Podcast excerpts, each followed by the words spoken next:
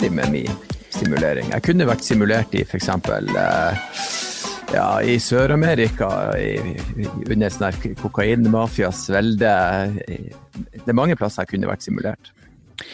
Jeg syns karma og den reinkarneringsteorien er mye mer altså, den er mye mer realistisk hvis vi snakker om simuleringer. For der kan vi faktisk ha en sånn ja, rett og slett sånn oppsummering av livet ditt med pluss og minus. og bare sånn, Du var et asshole, du. Så du, du da, vokser opp i Aleppo nå, du.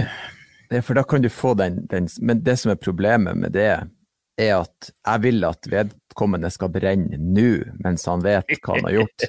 Det holder, det holder, ikke at han blir gjenfødt og så har han ingen minner fra sitt forrige liv. Jeg vil jo at nå ja. Nå må, må, jeg innrømme at jeg bare har en eh, veldig overfladisk forståelse av hele den eh, reinkarneringsteorien. Og jeg, jeg, har heller ikke skjønt det der hovedmålet om at eh, ja, det beste er å komme seg ut av den sirkelen og leve i nirvana, for det virker jo bare veldig kjedelig. Da, da vil jeg heller være barkebille og kjempe med og ha litt sånn motstand og prøve å komme oppover i, i gradene. Ja, eh, det vil jeg jo si meg enig i. Men nå jeg syns jo det, for du, du har jo du har reinkarnasjon, og så har du den der versjonen vår der du drar opp i himmelen. og så, Den er jo veldig lik, egentlig. Eh, I utgangspunktet, hvis du tar Toraen og eh, Det gamle testamentet og eh, Koranen, så er det, jo, det er jo samme boka. Altså Det er jo så å si samme, ord for ord. Sånn at jeg, syns enda det er litt det smått utrolig at folk ikke har skjønt at hva er det vi driver med her? Ja, ikke, det litt, ikke, ikke, det er litt typisk mennesker at, uh, at hvis det er folk som er for langt vekke fra det, så klarer ikke du helt å få opp de der samme følelsene som lokalderby. Altså, altså, Bodø-Glimt mot Tromsø er jo en, mm. er jo mye mer spennende kamp, uansett hvordan det går med Tromsø.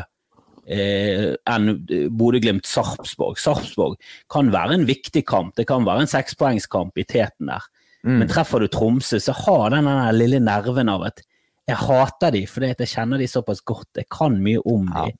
Disse misliker jeg sterkt fordi at dette er forskjellen på oss. Jeg føler det er det som er jøder, muslimer, kristne. at Det er jo de som er helt klart nærmest.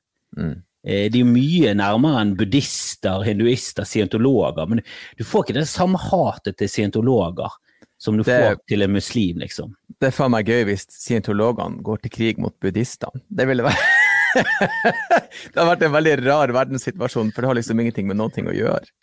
Ja, men Hør så tåpelig det høres ut, da, at, at scientologer skulle angrepet mormonere pga. troen og sånne mm. hellige steder. Du hadde jo ledd. Det, er kjempe...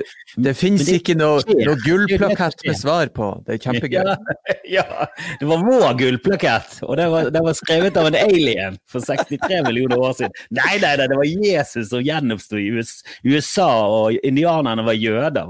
Nei, det, det, er jo helt ute å kjøre. Det er jo aliens og, og likene av gamle aliensfanger som var nede i vulkaner. Ja. Mye gøy. Det er, jo, det er faktisk et jævlig godt poeng du har der, fordi altså, det blir de du har deg nærmest. Altså, i, i livet ditt, du, hvem krangler du mest med? Det er jo familie og venner. Kona di, dama di, barna dine. Det er der disputtene oppstår, det er de du har deg nærmest. Så det, litt, det gir litt sånn mening liksom, for alle. Så vidt jeg vet, da, med, jeg huller i kunnskapen, men jeg vet at det var spanjolene som jaga muslimene ut av Europa. Og da starta det. Og før den tid så eksisterte jo muslimer og kristne side ved side i, årevis, hundre år eller et eller annet, uten at noen var uenig, og så starta det. Så det ligger vel der at vi en gang var naboer. Ja, altså Nei, jeg kan heller ikke denne historien til eh, ja, til Muhammed og spredningen av arabere og islam eh, var vel ganske litt sånn på samme måten som kristendommen litt sånn aggressiv spredning eh, i alle retninger, egentlig. Så, så traff det vel en vegg når det kom til India og Kina. Der var vel kulturforskjellene for store. Men de klarte liksom å ta over hele Nord-Afrika, og kom jo så langt opp i Spania, ja. Mm. Eh, men så var det noen korstog, for da tror jeg de, de, kristne fant ut at vi må ta tilbake igjen Jerusalem. Så er det litt sånn rart, for det var sånn Var det noen gang sånn veldig mm. kristen på den måten? For det, kristendommen har jo liksom bare blitt en del av Vesten, mens han er egentlig en del av Midtøsten. Jeg Ja, og- Religionen har jo stått rot veldig andre steder. For eksempel eh, buddhismen ser jo jeg på som en veldig sånn østasiatisk og japansk ting. Mm. Mm. Mens det er jo egentlig en indisk ting. Det er jo der Buddha kommer fra. Det er jo der det startet. Mm. Men det du sier der, er jo alltid et sånt kjernepoeng. For det er sånn at vi, vi i utgangspunktet claimer at vi har rett. Så er det sånn eh, Jesus var jo en araber. Altså, vi er sånn Nei, det er vårt bilde som er riktig. Det, var det er jo deres region, hvis du skal være veldig sånn her han er, pinpoint det ned, da. Så det er veldig sånn rart at vi hevder at nei, vi vet. Det viser vi som vet hvordan det er. Jesus var vel eh, jøde. Ja, ja, men han Men eh, altså, jeg må ærlig innrømme at jeg, jeg, hvis ikke det hadde vært for kulturelle forskjeller og klær og sånn, så hadde ikke jeg med en gang sett forskjell på en palestiner og en israeler. Og jeg vet heller ikke genetikken i det, og hvilke folkeslag, og hva, hva som er blandet med hva. Altså, er det, er det det helt store eh, sprangene sånn utseendemessig og Nei, jeg genetisk? vet- Nei, jeg vet da søren. Er ikke det en saus av, av alt mulig? Ikke Ikke mennesker, bare en saus av alt. Alle er blanda sammen. Eh, men, men i- i jødene er vel de eneste som på en måte, der religionen deres på en måte, de er et eget folkeslag. Altså, de er, en, er de en rase mennesker? Jeg tror eh, hele det rasegreiene har jo liksom forsvunnet litt, for det, det er så upresist. Det er ikke det vi Det er ikke det raser er, da. Eh, men det er jo litt eh, eh, Altså eh, jeg tror folkeslag liksom er en mer eh, tydelig og altså Rasen mennesker er jo det vi er, Homo sapiens. Det var Ja, det er bare- flere raser ja. mennesker. og ja, og det, og det, der folk som snakker om eh, at du ikke skal mikse raser, er jo det Mm. Altså, det er gjort, det. Det er, det er vi ferdig med. Det er, det er gjort for lenge siden. Det er jeg også enig i. Du må ikke ligge med neandertalere. Og, hvis, hvis du finner et sånn hulemenneske, så må ikke du knulle han. Det er ikke meninga. Nei, kanskje ikke nå, men den gangen var det Det var peace and love. Det. Må jo ha skjedd, det må jo ha skjedd at Homo sapiens pulte Homo erectus. Det må jo ha skjedd. Ja, jeg, jeg tenker eh, det var mye Det var mye eh, Det var mye Der var det miksete forhold, altså. Der, var det? liksom, der kom liksom folk hjem, og så sto de der med en neandertalerkvinne, og så var det veldig dårlig stemning i klanen. Var ikke, det, var ikke det sånn Kevin Kildahl ble født, da? Jo. Meløyværinga kom til? Må ikke Altså, du, du får ikke Kevin Kielal uten litt neandertaler eller Cro-Magnum Man. Han er jo Han er jo tullemenneske. Jeg vil egentlig prate med deg om deg. Ja. Det var det jeg hadde planlagt, men så skrev jeg fort ut som vanlig. da. Det er jo alltid gøy å preke piss. Men uh, du, Erlend, er det jeg lurer på, er, er du født og oppvokst i Bodø? Er du liksom en sånn eh, ekte bodøværing innenfor kommunegrensen, eh, bodøværing, eller er du litt sånn fra ute i periferien, og så har du eh, sakte, men sikkert som en magnet til, blitt tiltrukket av sentrum? Nei, jeg er, jeg er så bodøværing som man kan bli. Altså Rønvika, Bodin. Eh, så det, så det er liksom vi, når jeg var yngre, så het det at hvis du ikke var fra Rønvika, så var du ikke bodøværing. Hvis du var fra Bertnes eller Mørkved, der har jo du vært, så var du ikke Ja, bodøværing. Nei, da, er, det, da er du noe annet. Ja, det er jeg enig med. Mørkved de, de får ikke De får ikke Bodø i passet. De er Mørkved i passet. Det, det, vi må skille her. Er, Stempla. men der er det igjen det der at jo nærmere du kommer, så er det sånn De jeg har mest trøbbel med, og har hatt mest trøbbel med i livet mitt, er jo ikke andre folkeslag eller andre hudfarger. Det er jo folk fra Loddefjord og Fyllingsdalen. Det var det. Det var de folkene jeg var redd Mm. når jeg var i denne unge testosteronalderen der det gikk ut og drakk og ingen klarte egentlig å oppføre seg. Det var der det var eh, muligheter for å få skikkelig klink. At hvis, hvis en eller annen fra Fyllingsdalen eller en gjeng av de fikk, fikk nyss om at jeg kom fra Fana, så var det plutselig da var det plutselig DAB å få. Så du, du måtte liksom passe på å ikke rote det bort i Flaktvedt-gjengen, de var veldig farlige.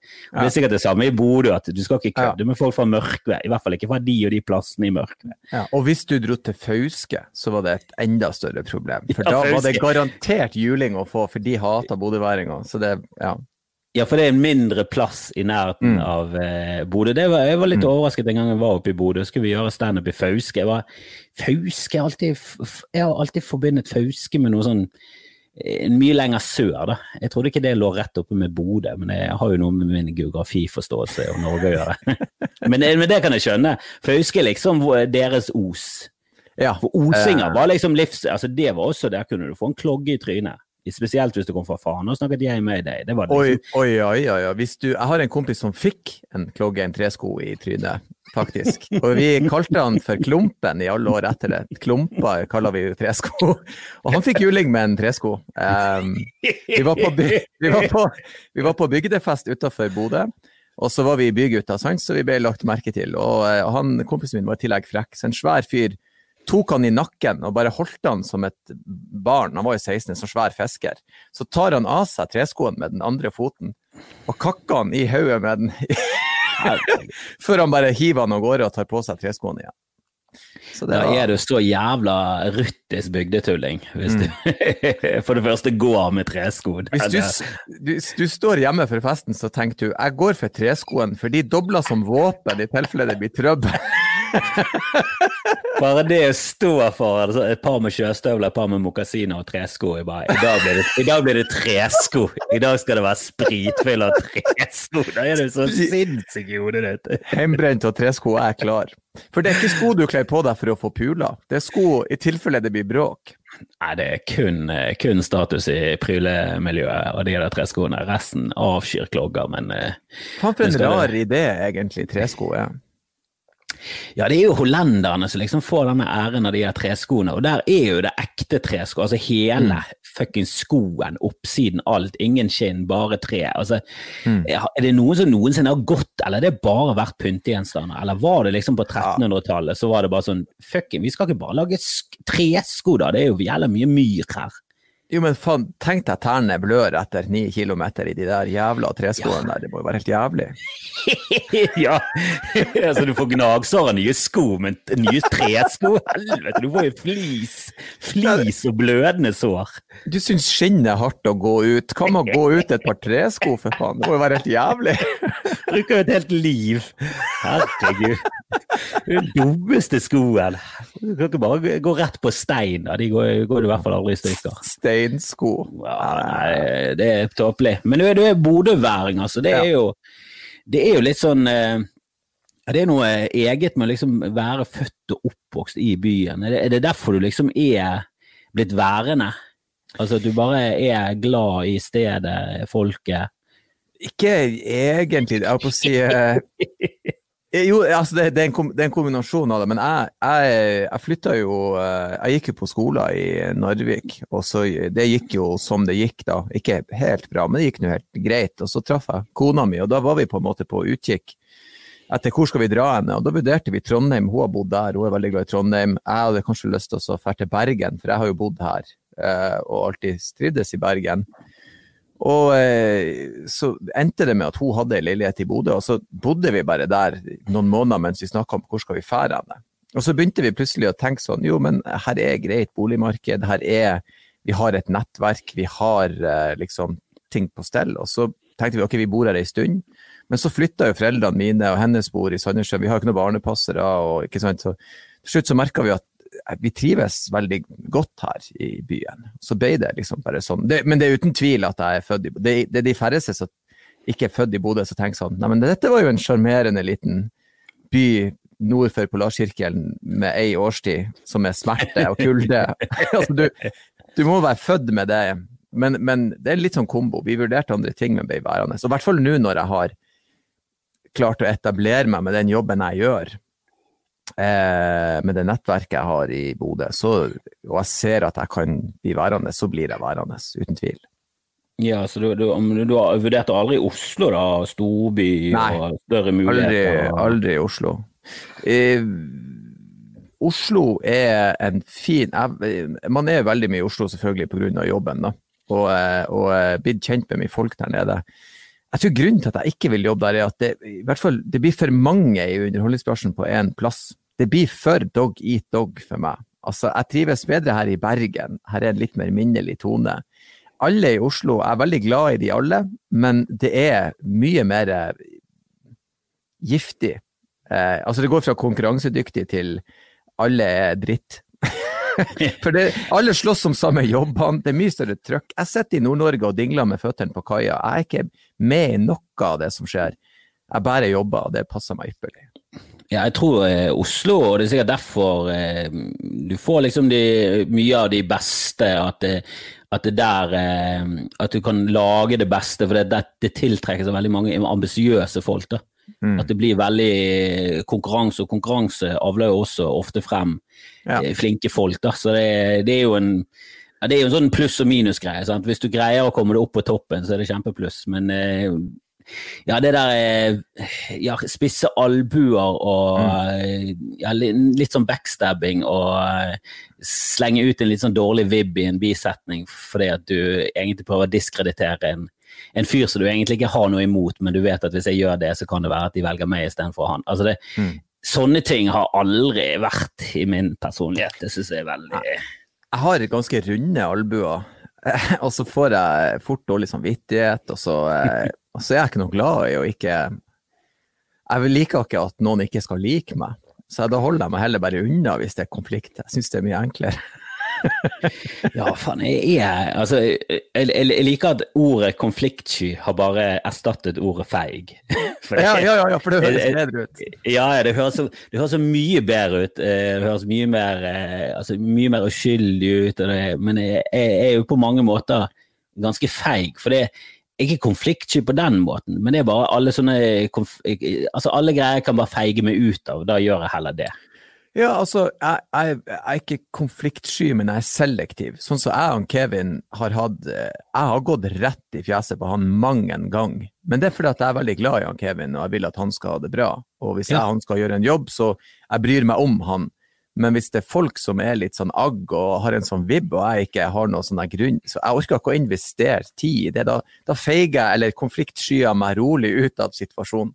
Så holder jeg meg bare unna. Jeg syns det er fint. Ja, ja, når det kommer til kompiser og familie, de skyr ikke unna noen. Da er det rett i strupen på alle. Rett i trynet. Mer etter bråk med familien min. Ja, ja, det er sånn hvis det er sånn perifere folk som er sånn ja, og der er jeg sånn eh, det, det, det, skal jeg prøve å ta meg litt sammen, for jeg er litt enig med de som eh, Jeg er uenig med de som sier sånn eh, Hvis ikke du er en antirasist, så er du en rasist. Så det er sånn Nei, men det er ikke alle. Sånn, så, det var en eller annen som fikk PS. Halvor fikk jævla PS fordi han hadde snakket om at han hadde vært med svigerfaren. Han hadde vært så jævla rasistisk. Mm. Uh, og så merket han at han hadde feiget fullstendig ut. Da. Hadde ikke tørt å gå eh, og si hva han mente. Da. Som en sånn for meg er det en veldig sånn eh, naturlig ting når det kommer. Det er en svigerfar, han kjenner han ikke godt nok til å si sin egentlige mening. Kanskje mm. du bare jatter med, eller prøver å få samtalen til å gå over på noe annet, fordi du syns det er litt ubehagelig at han skal sitte der og, og hate på muslimer. Men, men, du vet det at jeg kjenner han ikke godt nok. Jeg skal, jeg skal prøve å gjøre et godt inntrykk. Det er liksom mm. det er litt sånn når du sitter i en taxi, og hvis taxisjåføren bare plutselig viser seg å være en fullstendig psycho, så er det sånn han sitter, på, eh, han sitter med rattet, og det er desember, det er slush ute. Ja. Jeg gidder ikke å gå fullt i strupen på han eh, over klima, klimakrisen, mm. liksom. Det, da bare jatter jeg med og bare sånn Jo da, jo, global oppvarming, ja, jeg skjønner ikke hva de snakker om engang. det er jo kjempekaldt ute, det er jo helt klart at de tar feil. Altså, Fyret sitter med rattet og skal kjøre meg der jeg skal. Jeg gidder ikke å sitte og krangle med en taxisjåfør. men jeg men jeg prøver liksom å bygge opp det der motet og gå litt mer konfronterende hvis det er folk jeg kjenner og sånn som sier ting som er sånn Hva sa du der om flyktninger, egentlig? Nå må, du, nå må vi roe oss ned her. Jeg, jeg, har, jeg, har, en, sånn, en kompis av meg som var litt sånn Han er ikke rasist, men han sier ting som er upassende. Uh, og han var veldig sånn spesielt i sånn Vi brukte å se fotballkamper på Aspmyra på å si, pre pre-covid, og uh, da kunne han si ting sånn ja, det er litt, uh, litt solbrente spillere på sånn, sånn, idiotiske ting. Du vet, ig ignorant. Så det jeg gjorde, var at jeg begynte å uh, si til han før kamp, før han sa noe. Så brukte jeg å si sånn Du, nå er f.eks. 08 her, de har tre-fire sorte spillere. Er det ubehagelig for deg? Vil du sitte lenger bak på tribuner? Så jeg, jeg tok den vrien, og da ble han flau, for han skjønte sånn Ah, OK jeg syns det kan være en finere måte enn den der konfrontasjonen der du på en måte Du kan ikke si For de, de diskusjonene ender ofte med avstand og fuck you. Mens hvis man kan kanskje nærme seg litt forsiktig sånn Litt ja, humor, altså, kanskje. jeg husker jo når eh, Dag eh, gikk litt sånn eh, Ja, jeg var kritisk mot Sigrid da, og den her Handmaid's Tale-demonstrasjonen, mm. der, der, han bygget det på at en forsker mente at hvis du skal Det er mye bedre å få til en dialog, og av og til så går, bruker du for sterke virkemidler. Og da signaliserer du overfor flokken din at se hva jeg mener, se hvor flink jeg er å mene dette her, og se hva jeg gjør, se, se hva jeg spotter de andre. Mens de andre og kanskje de som er på gjerdet, er mer sånn Uff, det var litt, eh, det var litt mye.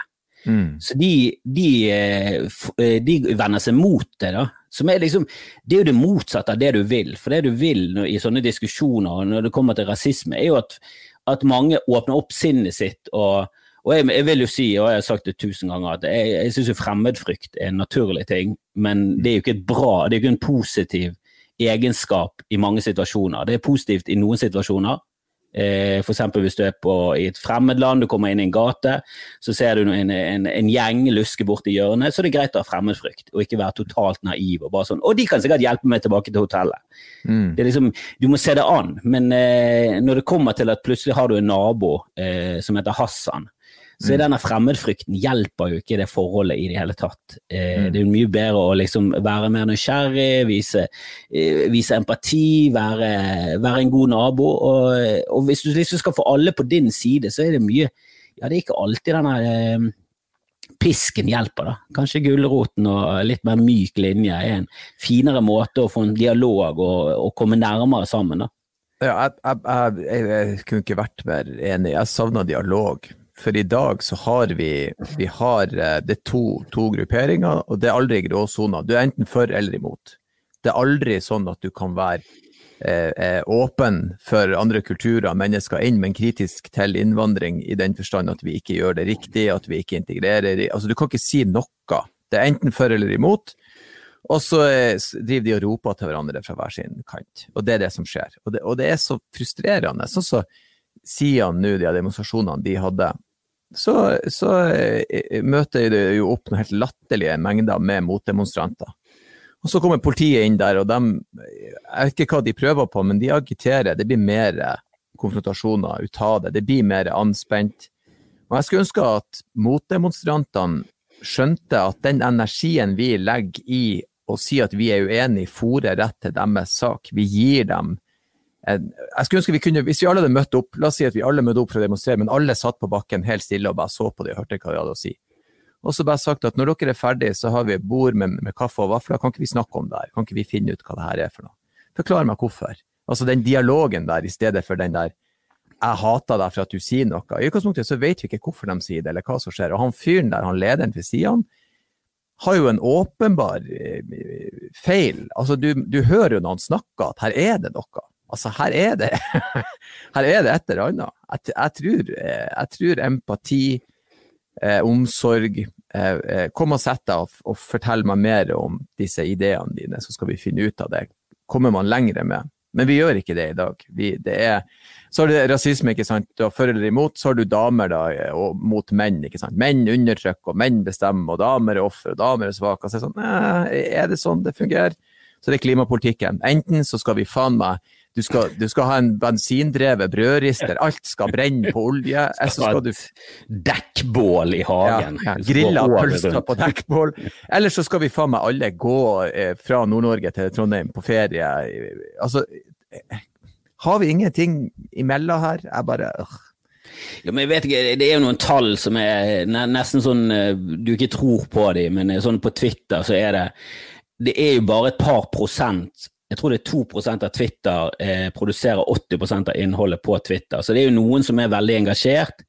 Eh, og det, de har jo en tendens til å ligge litt ute på, på flankene, da. Eh, og jeg føler at Twitter så er det en overvekt av eh, venstrefolk. På Facebook så føles det litt mer balansert. Eh, jeg er ikke på de andre sosiale mediene. I kommentarfeltet er det, er det motsatt av Twitter. Der er det på, på høyresiden. Og så skriker de veldig høyt, og det er ingen nyanser. Og det er nesten ikke rom for nyanser. For hver gang det kommer inn med nyanser, f.eks eh, med den Sian-diskusjonen, så var det sånn enten er du med i oss, eller så er du en fuckings rasist. Og jeg vil ikke mm. høre at de har rett til å ytre seg. Så sånn, ja, Nå er jeg 100% mot det Sian sier, men jeg er 100 for ytringsfriheten.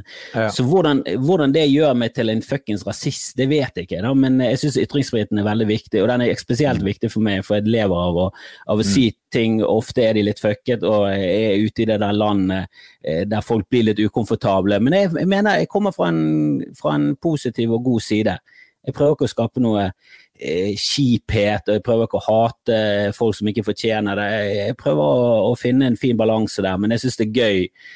Jeg, jeg, kan gjerne tulle med eh, holocaust, for jeg syns det er en horribel eh, en sånn, en sånn, syk, syk tanke som er fascinerende for meg. Da. At vi mm. mennesker er så crazy at vi kan vi skal nå til det punktet der at vi skal utrydde andre mennesker. Og vi har mm. gjort det gjennom hele historien, og vi fortsetter mm. å gjøre det. Mm. Vi har aldri altså, ingen... slutta med det, egentlig. Nei, nei, nei, nei, vi elsker det. Jeg syns det er kjempegøy. Mm. Og vi kommer til å gjøre det igjen. Eh, fordi at vi driver og fortrenger og, og, blokkerer historier som vi kunne lært av. For det, Tenk deg at du må ha trigger warnings når du skal ha historietimer på enkelte universiteter. Ja, Nå kommer vi til å snakke om, om, om, om, jøder som ble drept, så hvis noen vil gå ut, så kan de gjøre det. Det skjedde jo. Det har jo skjedd. Det er jo ikke noe du Problemet mitt med, med den siden-tingen er at jeg er helt jævla enig med deg. De må 100 få lov å si hva de vil. Samme som at de nynazistene som marsjerte i Kristiansand, de må få lov til det. Det er deres gitte rett. Vi lever i et fritt land. Og grunnen til det, la oss si at vi sier det, ok, Sian får ikke lov å ytre seg, for vi syns det er så ubehagelig det de sier.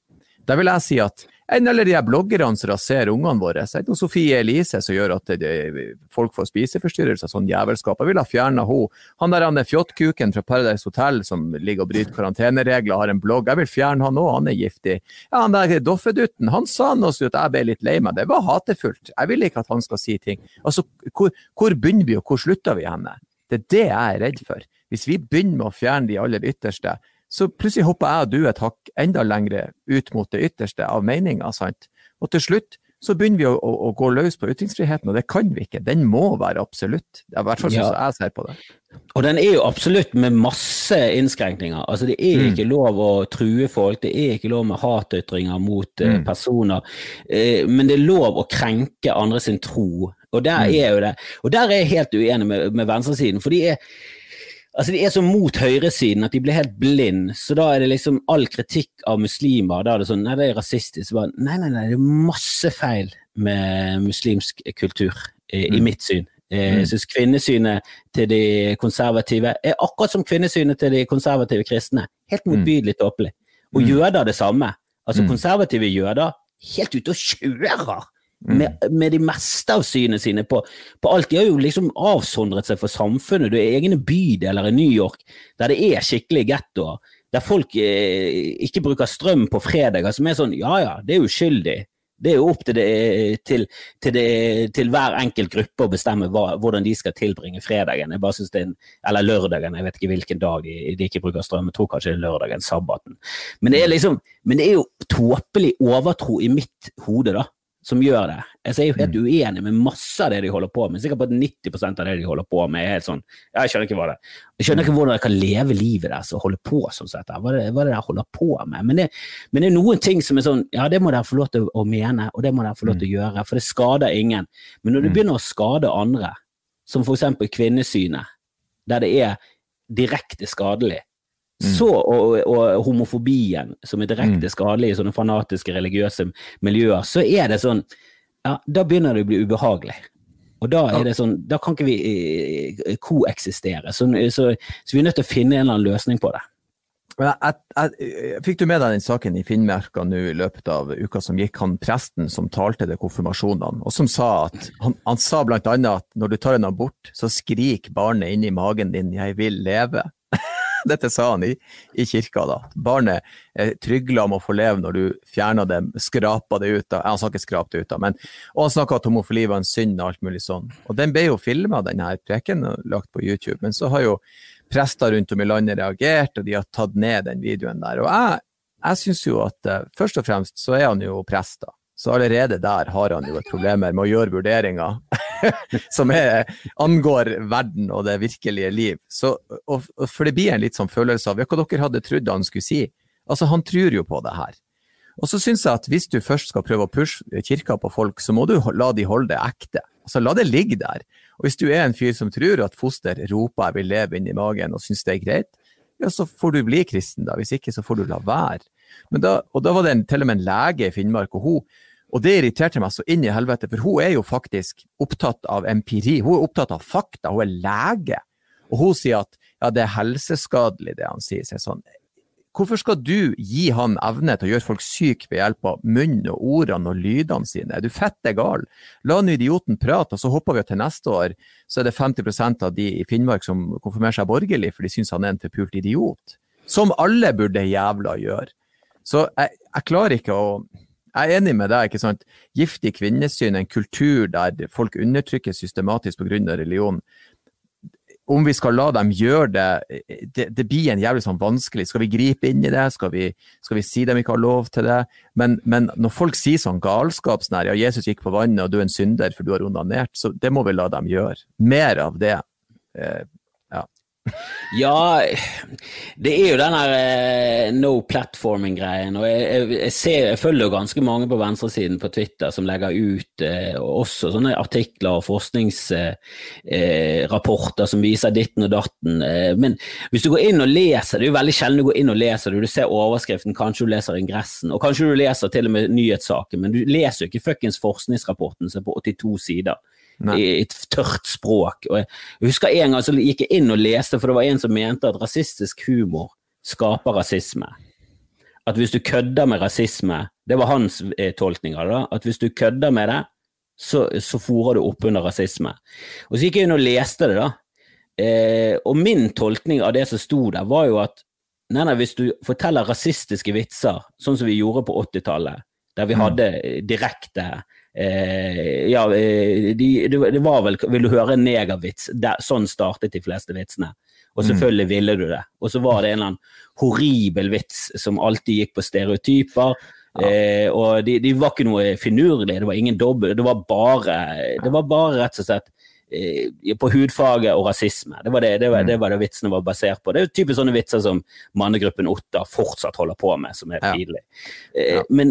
Og det har jeg tro på at ja, jeg tror sånne vitser eh, skaper dårlige holdninger og fyrer opp under rasisme. For det, det er ingen det er ingen Og nå må vi tenke oss om, eller sånn. Men jeg tror ikke vitser om at f.eks. Eh, Louis C.K. sin vits om N-ordet.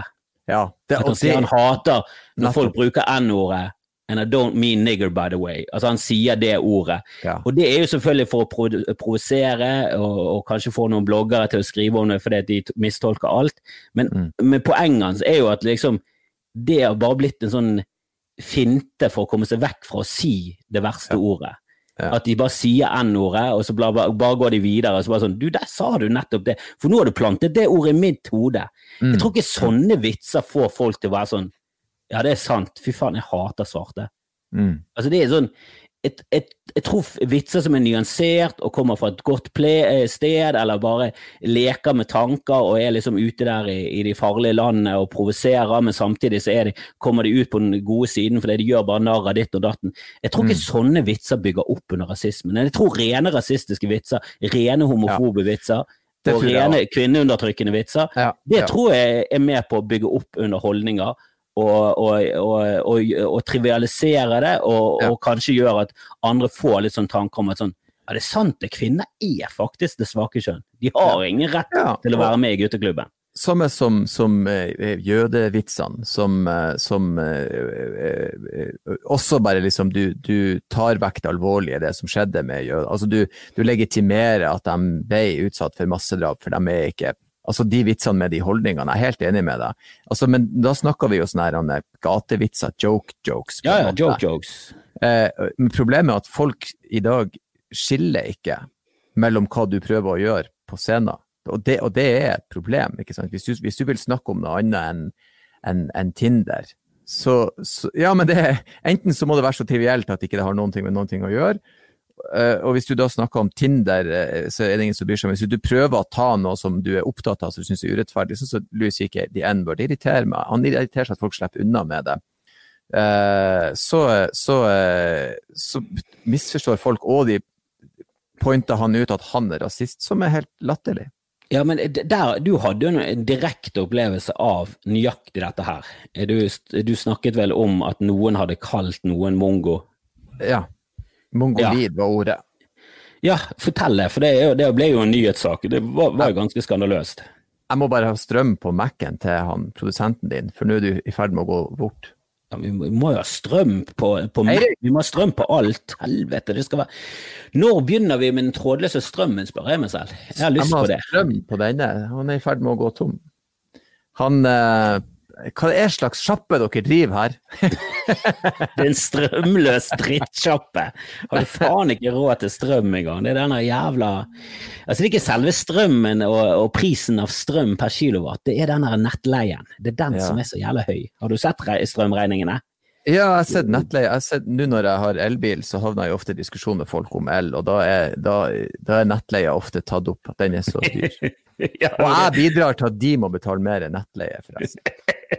ja, du med den egoistiske elbilen. Ja, egoistisk fyr. Jo, men jo, eh, mongolidhistorien. Um, det som, det som Basically, jeg hadde jo en bit på, på showet Sjikana. Den, den, kom jo til delvis fordi at det her skjedde, og fordi jeg hadde en opplevelse. Jeg, var på et badeland i Spania, og da var det en, en far som var der. Han hadde noen eh, barn da, og den ene gutten hans var Jeg vet ærlig talt ikke helt hva det var, men han, hadde, altså han var psykisk utviklingshemma. Eh, og han refererte til sønnen sin som mongolid. Eh, for han sa til meg ja, han er mongolid, og så ble jo jeg sånn eh, Hvorfor eh, Først jeg tenkte var det er ikke greit å si, sant? i hvert fall ikke i vår del av verden. Og så tenkte jeg også, men hvorfor skulle han si det om sin egen sønn? sant? Altså, Du blir jo satt ut av det. Og så begynner jo hjernen å fungere, og så ble det en veldig rar situasjon og det her er ikke kødd engang, eh, eh, han ville ha et skilt som det sto mongolid på, så han kunne henge på sønnen sin på badelandet, sånn at folk skulle skjønne at han var psykisk utviklingshemmet. Det er jo nesten som en fra Kuklus Klan har adoptert en svart en, og bare refererer til han hele tiden som et N. og, og bare ja, ja. Skulle, hatt, skulle, hatt, en eller annen eh, stjerne på brystet som viste ja, ja. Det hvor høres, han kom fra. Det høres helt horribelt ut. Og jeg sa til han at uh, jeg tror ikke du trenger å henge et skilt, så jeg tror folk skjønner at de må være forsiktige eller hjelpende. Altså, altså det er jævlig sånn vanskelig, men i alle fall, der kom, der kom jo inspirasjonen til biten fra. For det er klart, når sånn blir det en vits av, for det er så bisart og rart, og gøy òg. Det er sånn, herregud, hvordan skal jeg reagere på det her? Og, I alle fall, jeg, jeg driver og jobber med den biten på scenen, og så eh, bruker jeg jo ordet mongolid, fordi at det var det han fyren sa om sønnen sin. Men jeg får liksom ikke jeg får ikke engang forklare hvorfor det ordet kommer opp. Jeg må jo sette opp premisset på vitsen før jeg kan gå i gang. Men når jeg sier mongolid, da, så er det en fyr som kaster en ølboks i fjeset mitt. Bare small i fjeset. Jeg skjønte jo ikke en dritt hva faen som foregår. Og det ble jo full, full ølboks? Å, ja, da. Full ølboks. Og full Det er fuckings farlig! Ja, ja. ja, men det er jo det. Det er jo, en, det er jo et halvt kilo med metall som kommer, og, og, sprekker han, så får du metall inn i trynet. Altså, det kan jo faen meg Det, jo, det kan være skikkelig skadelig, det. Ja da, så det, det er klart, eh, han karen ble nå kasta ut, og, og det, som, det, som, skapte mest furore, var at han skrev et Facebook-innlegg eh, der jeg hadde brukt ordet mongolid. Og han, eh, han har ei datter som har Downs syndrom, da, fant jeg ut i ettertid. Så jeg kan godt forstå at han har et anstrengt forhold til det ordet. Men det betyr jo ikke at du kan bare begynne å angripe folk. Du må jo nesten du må, du, du, altså det ordet i seg sjøl, det, det, det, er ikke et problem. Ordet i seg sjøl, det er jo holdninga bak, hvilken kontekst ble det satt. Altså det, det hele skriver seg Jeg, satt og så den her, jeg satt og så Life of Brian på Netflix, den ligger ute nå. Og Jeg vet ikke om du husker den scenen der de steiner en som har sagt Jehova. Jo, jo. Og, ja, og, så skal han fyren lese opp hva han har sagt, så begynner de å steine han for at han sier det. Ja det her så de på 70-tallet, sånn er det enda, sant. Vi springer rundt, og vi, vi, vi prøver å forby ord og sånn, men det, vi bekjemper ikke holdning. Vi, ikke, vi, bekjemper ikke ignoranse eller noe. Og det er klart, når jeg hadde sagt eh, ordet mongolid, så ble det en nyhetssak, og så gikk jeg viralt over hele landet på alt av forsida. Jeg fikk drapstrusler, det ble et helvetes liv. Og ei uke etter så var det glemt. Jeg solgte mye billetter da. Folk fant ut hvem jeg var, det regner jeg med. Jo, noen tar jo sikkert seg bryet og sjekker det ut, og så får de med seg at ja, det var i, i, konteksten av en vits og en lengre vits. Det var, for jeg hadde skjønt det, jeg fortsatt ikke forsvarer han med å slenge en eh, ølboks i trynet på noen. Eh, du, hadde det vært et plastglass med vann, så hadde det vært greit, liksom. Men, eh, men en ølboks i trynet er faktisk langt over grensen. Men hvis du hadde liksom i en eller annen kontekst av å snakke med en eller annen i publikum, og så hadde du sagt er du helt mongo, eller? Mm. At han da hadde bare vært så, eller du hadde brukt det ordet sånn upassende flere ganger. At, at, at begeret hans hadde rent over og bare sånn kastet et plastglass på det. bare sånn, Kan du slutte å bruke det ordet? Mm. Altså der, der, går min toleransegrense for at det syns jeg du hadde fortjent. Hvis han sitter der og blir provosert av det ordet, så skal du gjentatte ganger bruke det som en sånn nedsettende ting fordi en i publikum sier noe dumt. Men, mm. eh, men utover den konteksten at du skal liksom sette opp et premiss og det er liksom, Du tar du er deg i den vitsen, og så er det han andre karen i den vitsen. Og han andre karen er jo helt bisarro, som har en sønn som er utviklingshemmet. Oh, ja, ja. Så bruker han det ordet. Så det er jo en veldig rar det er jo en veldig rar situasjon å komme opp i. og det, Jeg, synes, jeg elsker jo sånne historier om sånne, ja, sånne sosiale interaksjoner der du er veldig mye oppi ditt eget hode. Der du er sånn Hva faen, hvordan skal jeg reagere nå, når det er han, han av alle mennesker her som bruker det ordet? Mm. Som er et og, veldig psyko-ord. Veldig. Til og med jeg og kona mi snakket, hun var jo i lag med ungene våre. så Vi har mange ganger snakka om situasjonen og hva som gjorde det og hvordan. og Det, det, det er jo en sånn her, Og det er jo ble faktisk en jævlig bra bit ut av det, men det ble jo en bedre bit når jeg fikk en ølboks i fjeset. For jeg mange ganger i ettertid tenkt på han jeg kan, jeg kan, på en måte skjønne han, faren, jeg er også pappa. Han kan ha blitt revet med sant, og i og ikke sant. Jeg skjønner. Jeg, jeg, jeg, har, jeg, har, ingen problemer med å si til han vet du hva, kompis, vi glemmer det, det er over. Men jeg har et større problem med å akseptere at media gjorde det de gjorde. Altså, De sitter på all info om hva som skjedde, men de vinkler det mot meg for det selv bedre. Den tida jobba i NRK. sant? NRK-kjendis ropte mongo det er, så, det, er så, det er, så, upassende det de gjør der. Det er, så, det er så stygt gjort mot meg og min familie. Det er ikke artig når sønnen min, da var han li seks, fem, seks, når han kommer og spør sånn, pappa, hvorfor hater alle deg? Han får med seg det. Og det er fuckings Det er avisa Nordland, det er NRK, det er Dagbladet, VG Det er alle. Alle sammen gjorde det der. Alt av lokalaviser gjorde det der. Og det er faen ikke greit. Jeg husker jeg gikk jeg eh, studerte litt sånn eh, eh, Jeg studerte jo medie og multimedieproduksjon og sånn nede i Stavanger. Jeg fullførte aldri, men jeg begynte på greiene. og så i starten så var vi med journalisten, og så hadde vi sånn felles journalisttimer da, mm. i en åtte ukers tid. Og bare, det, bare den Eh, reneste formen for journalisme, liksom den mest idealistiske og fine formen for journalisme, lærte jo de. Og jeg syns mm. den var ganske umotbydelig når det kom til sannhet. Mm. Og jeg bare tenkte da at men skjønner dere ikke at det fuckings ødelegger for dere selv med å ha disse etiske retningslinjene? At hvis du klarer å få en person til å si jo da, eh, mongo her og mongo der. Poenget er jo at det ordet ikke skal brukes i det hele tatt det er et ord som i, i, i utgangspunktet er helt horribelt. Og så er det bare sånn Professor sier mongo her og mongo der. Så det er sånn, mm. Ja, Men det er jo ikke det han sier her. Mm. Det er jo ikke det han prøver å få frem. Dere bare vinkler det sånn at det skal selge mest aviser. Og det er fordi er det sånn Jo, men han sa jo det. Mm. sånn, ja, men det er jo det er ikke direkte løgn, men det er jo direkte løgn. Det er det. Det er, det er det. Og det, det som skjer nå, er jo at nå har liksom det blitt til at det er fake news, og mainstream media er for mange en vits. Det er, det, det er for mye politisk agenda. Og alle er jo egentlig helt enige, helt til Trump kommer, og så bare utnytter han det til det maksimale. Og da skjer mm. det samme som det skjer med venstresiden og, og muslimer. at de, de, er sånn Nei, du kan ikke kritisere det i det hele tatt, for da er du en rasist, fordi at rasister kritiserer det hele tiden. Mm. Og nå er det samme med fake news. at det er sånn, Nei, nei, nei, NRK og TV 2 det er jo seriøse, de seriøse nyhetsaktørene. Det er jo Breitbart og blogger som er fake news. Sånn, mm. Vi var jo enige om at, at TV 2 og NRK løy for to minutter siden.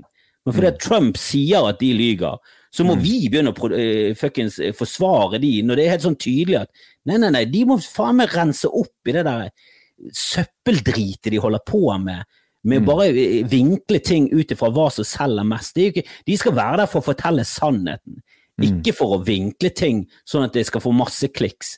For det er jo mm. faktisk mennesker som blir ødelagt av dette. Du er jo en ganske oppegående og voksen fyr som, som tåler en støyt selv om du er ganske sårbar, så, så vet du hva det går til, og du overlever ja. det. Du har, ja, du har, et bra liv, du har en god familie, du har mye støtte, men allikevel ganske kjipt å bli hengt ut som han mongofyren i Norge. Ja, og jeg diskuterte det med, med eh, ansatte i Avisa Nordland, men de vrir seg unna. Ja, vi føler vi har rett til å formidle. Jo, jo, men hva er det dere formidler? Det, blir, det, det så, sånn som så, sånn så dama di, Doffen, har, har, har hun søsken? Ja. Ja, Så hun er noen sin søster, sant? Ja. Ja, riktig. Så da kan jeg si Doffedutten pulte søster som høres veldig rart ut. Det er jo sant. Du lurte meg, Erlend! Helvete! Ja, men sånn, sånn, er media i dag. De er sånn. Og, og, så hvis du sier til det, jo, men det gir et helt feil bilde. Ja, det kan ikke vi stå inne for. Jo, men det må dere ta høyde for. Altså, de, de, de Ja, jeg, um, jeg har på mange måter gitt opp eh, media, for det, det, det, det, er veldig jeg er veldig opptatt av nyheter, jeg vil vite hva som skjer, men det, er mer enn ofte at i dag så, så eh, Hva er det egentlig vi driver med? Altså, gå inn på VG nå, og så ser du hva var informativt, hva trengte jeg å vite, hva gjorde hva kan bidra til å gjøre verden til et bedre sted. Sånn så Farmora mi hun var journalist, og eh, jeg hadde veldig lyst til å bli journalist, for jeg var med henne på jobb og traff masse interessante mennesker. Hun var liksom sånn at du kunne du kunne, du kunne felle fæle folk, og du kunne liksom bruke sannheten som et våpen, og penna var mektigere enn sverdet. Men nå er ikke penna et sverd lenger, det er en skitten dildo som de revknuller folk med over en lav jævla sko, og så selger de det. Og det Jeg syns det er trist, det er det jeg syns, rett og slett. Ja, jeg, jeg syns det er så Altså Det er så skuffende da, når du har en sånn posisjon i samfunnet, du kan eh, nå ut til veldig mange, eh, og så bare skusler du det bort eh, for å få klikk som oftest. Eh, og så har du en sånn tydelig politisk agenda, sånn som nå mot Trump. Så er det så tydelig at alle, uansett hva han sier, skal ta han for et eller annet.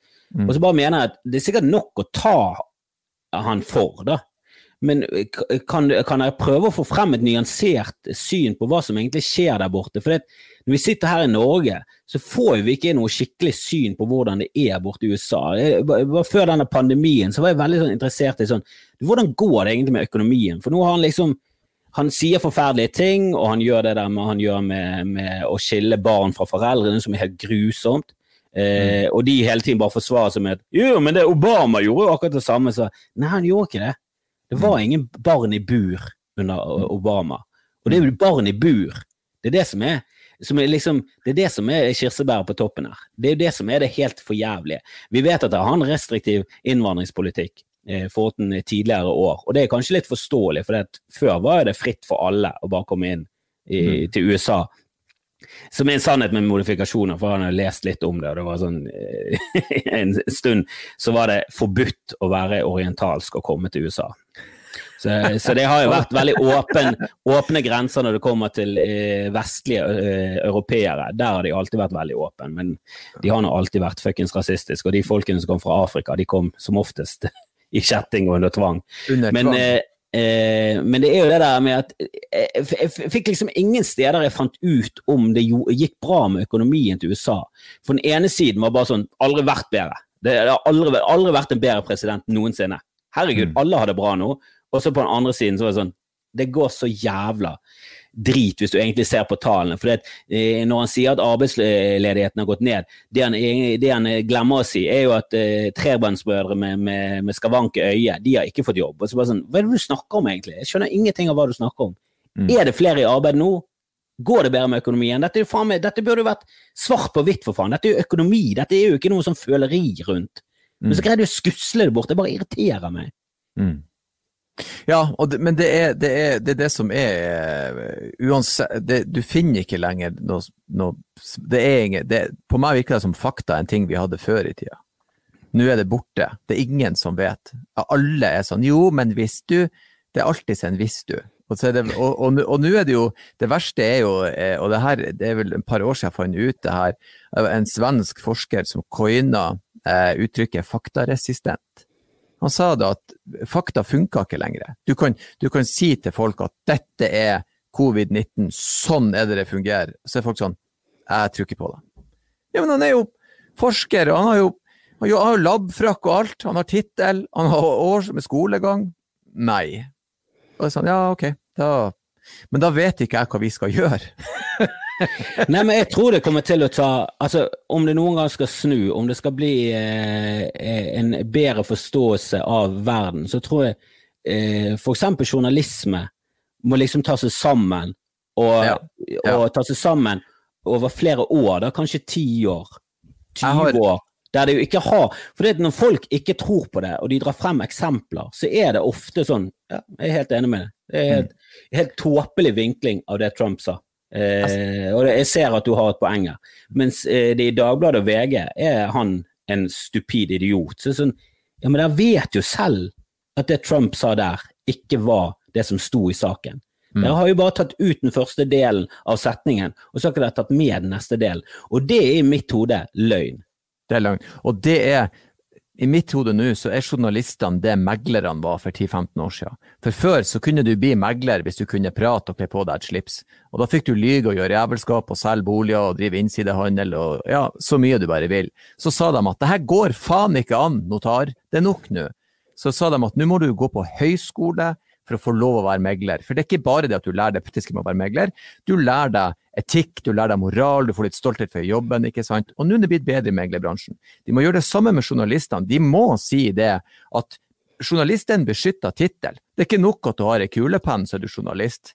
Du må faktisk gå på skolen for å kunne kalle deg sjøl journalist. For vi trenger at du lærer deg ikke bare å skrive artikkelen, men du må lære deg etikk, du må lære deg makta du besitter. Og så må vi si at hvis du skal kalle deg sjøl et nyhetshus, så må det være i hvert fall én ansvarlig der med journalistbakgrunn som har høyere utdanning, som kan være den som sier at ja, men er dette nyheter, eller er dette noe du tror, eller er dette hele saken, sant? Og hvis ikke vi gjør det, så blir det ikke å funke. Sånn som i dag, det er eksempler på folk som driver aviser i Bodø. Redaktøren i avis i Bodø sier til studenter på omvisning at det er ingen vits i å fullføre journaliststudiet. Hopp av i dag. Dere er journalister allerede, dere skal begynne å tjene penger i dag. Han hijacker ansatte fra studiet og driver et det går ikke an. Du må fjerne rassholdene, du må fjerne meglerjournalistene, og så må du renske opp i bransjen. Det eneste jævla måten å gjøre det på. For informasjonen er en så viktig verdi og, og, og, og viktig maktmiddel i dag. Informasjon kan, kan velte et imperie, det her vet vi jo, for faen. Så jeg skjønner ikke hvorfor det ikke er sånn. For meg er det hinsides. Ja, men det, det, det, er jo det jeg mener. Jeg gikk jo på journalist, og de, de som gikk på journalistutdannelsen, hadde jo faen meg altså et absurd høyt snitt. Det var høyere, På den tiden var det høyere enn legeutdannelse. Det var jo eh, mm. det var liksom, det var den tiden alle ville jobbe i media, journalisme, alt det der. Det var så jævlig hot. Eh, det var gode tider, og alle ville der. Så, så, så, det var jo eh, kjempeflinke folk. Og det var jo noen av de som hadde jobbet litt som journalist, som var det, som var nesten sånn sjokkert over hva de lærte der. Det var sånn Ja, men helvete, dette er jo det er jo nesten direkte løgn. Altså mm. sånne ting, da. Men men det, det er jo det jeg mener. Det var det så skremmende å se at den eh, pure formen for idealistisk journalisme syns jeg var pill råtten og jævlig. Jeg, synes, jeg, hadde, jeg hadde ingenting til overs for han. Jeg bare tenkte sånn Seriøst, kan du gjøre det? Med, med, sånn informasjon så kan du lage den saken. Det er, jo, det, er det, det er, jo, helt på siden av det hun prøvde å få frem. Mm. Jeg synes det var skummelt. Det var sånn, hvis, du har, eh, hvis du bare har hennes ord, så kan du bare Du kan nesten bare lage din egen sak. Eh, og det er jo ofte det med journalister. De kommer jo med eh, spesielt sånne kulturjournalister. Eh, sånn, de kommer ofte med en sånn eh, ferdig vinklet sak. da. Og så mm. vil de bare at du skal si eh, disse tingene her, og så er de ferdig. Når de har fått nok setninger som passer inn i sitt, eh, sin sak, så bare er sånn Du, tre vi trenger ikke mer. Du, du sa det at nei, jeg syns Bodø suger. Mm. Før du nyanserte og sa hva du egentlig mente. Men det holder for meg. Bodø mm. suger er overskriften, og det var det jeg ville ha. Mm. Og det er faen meg Tenk på hvis at du er eksempel um, Vi har sett saker tidligere der folk som har vært medlem i eksempel uh, Frimurerlosjen, eller de har vært med i, i forening og sånne ting, så gjør dem uskikka til en jobb. Det er liksom et habilitetsspørsmål. For meg er det sinnssykt at du har aviser som er helt åpen på at dette er vårt politiske ståsted, og dette er våre nyheter farga igjennom jeg, jeg, skulle ønske at vi hadde journalister som var politisk uavhengige, som ikke hadde noe annen agenda enn å faktisk melde nyhetene. Det at vi i dag har eh, eh, eh, helt åp For meg blir det et spørsmål om habilitet. Jeg syns det er fette sinnssykt. Helt fette sinnssykt. Så, liksom, da, hvordan kan dere formidle nyheter nøytralt og fra et faktabasert ståsted, hvis at dere faen meg er helt ute på venstresida eller høyresida? Altså, du kan kritisere liksom Breitbart, men du har jo noen på andre sida også, så er sånn, kan ikke dere ligge der og være nøytrale, og så faktisk finne ut nyhetene og bringe de til folket? Jeg, jeg, jeg, jeg fatter det ikke. igjen, det er mye Ja. Ja, men jeg føler det er liksom nesten det motsatte av det vitenskapet, liksom den vitenskapelige metode, som er veldig sånn eh, Jeg har en eh, teori, eh, jeg tror dette kommer til å skje, så nå skal jeg sjekke. Så jeg begynner med dette her, og så ser jeg hvor det leder meg hen. Og så begynner det å gå, og så bare sånn Ok, teorien min var helt feil, for det første. Han gikk et helt mm. annet sted. Men dette var mm. interessant. Nå har jeg en ny teori, så skal jeg sjekke om det stemmer. Og så, så det går liksom etter der faktaene tar deg. Det går etter der tallene tar deg. Og så, mm. eh, Hvis du har en agenda, og du prøver å få frem et visst eh, resultat, så er det veldig lett av andre vitenskapsfolk å motbevise det. Så du, mm. du, må liksom bygge opp denne saken din jækla sterkt, og så legger du frem bevisene, så legger du frem den, og så begynner alle andre å angripe den. Mm. Fordi at du går mot den vedtatte sannheten. Og av og til så bare sånn fuck it, han har rett. Denne mm. plateteorien, den er ut. Det, mm. det, har ingenting med hvordan jorden eh, fungerer. Nå det, det, det vulkanteorien er den nye, og så blir hele det er omveltning. Og det tar selvfølgelig lang tid, skipet må liksom styre av gårde, men det er mm. sånn det fungerer. Og det er mm. sånn det har fungert siden tidenes morgen. Det er derfor de flikkflakker hele tiden. Fordi mm. de tror én ting, og så får de tallene, og så bare ser de på tallene bare sånn Åh, Nei, covid-19 det er ikke så mye sånn overflatesmitting, men det vi har funnet ut er at dette her må vi se på nå. Så ta på dere munnbindet, folkens, for dette er det nye. Og så går det en liten stund, så var det sånn fuck, vi har sett på tallene. Det ble ikke bedre av munnbind. Nå må vi ha nesespray. Altså, det, det var alltid sånn Vi mm. går etter der faktaene går, og sånn burde journalisme også fungert. Vi mm. burde fått mye mer denne vitenskapelige metoden inn i yrket sitt. Hatt en stolthet på liksom Vi skal komme til sannheten dette er det vi har lyst til å få frem. Vi skal ikke ha noen agenda. For det, Vitenskapsfolk med agenda, sånn som de der flatjordfolkene, de er lett å utrite i dokumentarer og sånn, og det er, så, det er, så, trist å se på dem, for de er helt ute og kjører. Og mm. det er sånn den journalistiske metode er. Men så ser vi ikke på de som en sånn triste greier. Det er sånn, vi ser på de som nesten litt sånn eh, ja, kule ting. Det, det, virker som en kul bransje å være i. Men det er sånn de opererer. De har en agenda, og så fullfører de den. De bare prøver å få ord til å fungere for mm. å få sin agenda frem. Og jeg synes det er helt jeg synes det er så skammelig og så trist at, at, at det, Og de har sikkert gjort sånn siden tidenes morgen, så det er jo et eller annet gjennomsyret i journalismen. At, ja, de, de, burde ta til seg denne vitenskapelige metoden. Det burde vært en grunnstein innenfor journalisme. Men det, og det, det, blir verre og verre, og jeg, vet ikke om det, det, det er ikke blitt sånn helt i Norge enda, men du ser jo i andre land. Og du, vet, du vet den saken med komikeren han, eh, Brian Callen? Eh, der ei dame har ja. ja, ja. Og så, eh, Vi har jo diskutert saken og sett sånn, og så husker jeg jeg leste den nyhetssaken eh, med hun dama da, som han eh, angivelig skal ha forgrepet seg på. Altså I utgangspunktet så er jo overgrep nå med det verste som finnes. Du har en sterkere part som utnytter en svakere part på den verst tenkelige måte. Altså det, hele det er jo dritt, og det er vi alle enige om. Men det eneste som jeg så i den saken der, det var at den saken var skrevet ikke bare fra utelukkende hun som eh, han skal ha forgrepet seg på sitt perspektiv, men også stiler som en slags novelle jeg følte dette, jeg var kvalm. Og, altså, det, var en, det var som en sånn horribel onsdagsfilm som brukte å gå på TV Norge før i tida, sant? der det var sånn drama og det var veldig trist og sånn. Og, og, så tenkte jeg, hva er det jeg leser her, er det en nyhetssak eller er det en novelle? Altså, hva, hva er det her? For, for, meg så er en nyhetssak den og den datoen, så skal, skal angivelig vedkommende ha gjort det og det, sånn og sånn. Nå skal saken ses på og så skal vi samle bevis, og så skal rett Altså, altså det, alt det rundt som på en måte er kun faktabasert, det er en nyhetssak for meg. Og jeg syns det skal få være sånn inntil noen er enten dømt eller ikke dømt. Og jeg forstår det mellommenneskelige i det her, jeg skjønner at det er horribelt, men når du på en måte fremstiller det på den måten, så er det jo si, konstruert for å skape et narrativ at dette har skjedd. Vi vil ha sympatien den veien. Ja, det, det liksom... syns ikke jeg nyheter skal være. Nei, det har gått liksom fra den du, er, du er uskyldig til det motsatte bevis. Det var liksom en sånn, eh, også en sånn med ytringsfrihet og sånne ting. Mm. Eh, religionsfrihet. Alle sånne eh, vedtatte sannheter eh, som jeg har vokst opp med, da, som jeg har liksom bare fått inn med teskje siden jeg var liten. Og, og det har alltid, den har alltid vært litt sånn eh, den har alltid vært litt sånn åh, den er litt sånn vanskelig, for det er lett å forhåndsdømme folk, liksom. Eh, Mm. når du ser det i media, det er lett å bare tenke seg det. Sånn som han er Tangen med, med hun eh, konen som forsvinner, så er det lett å bare konkludere etter et bilde og en overskrift at jeg tror han er skyldig, og så tenker du ikke over det. Du har ingen eh, Tangen er oljefondsjefen. Du tenker på han uh... Ja, ikke ta ja, men, Han men jeg eh, tror også han har drept konen sin, det må jeg bare si. Tom, eh, Tom eh, Hagen. Hagen, Hagen. ja, det Tom Hagen. Ja.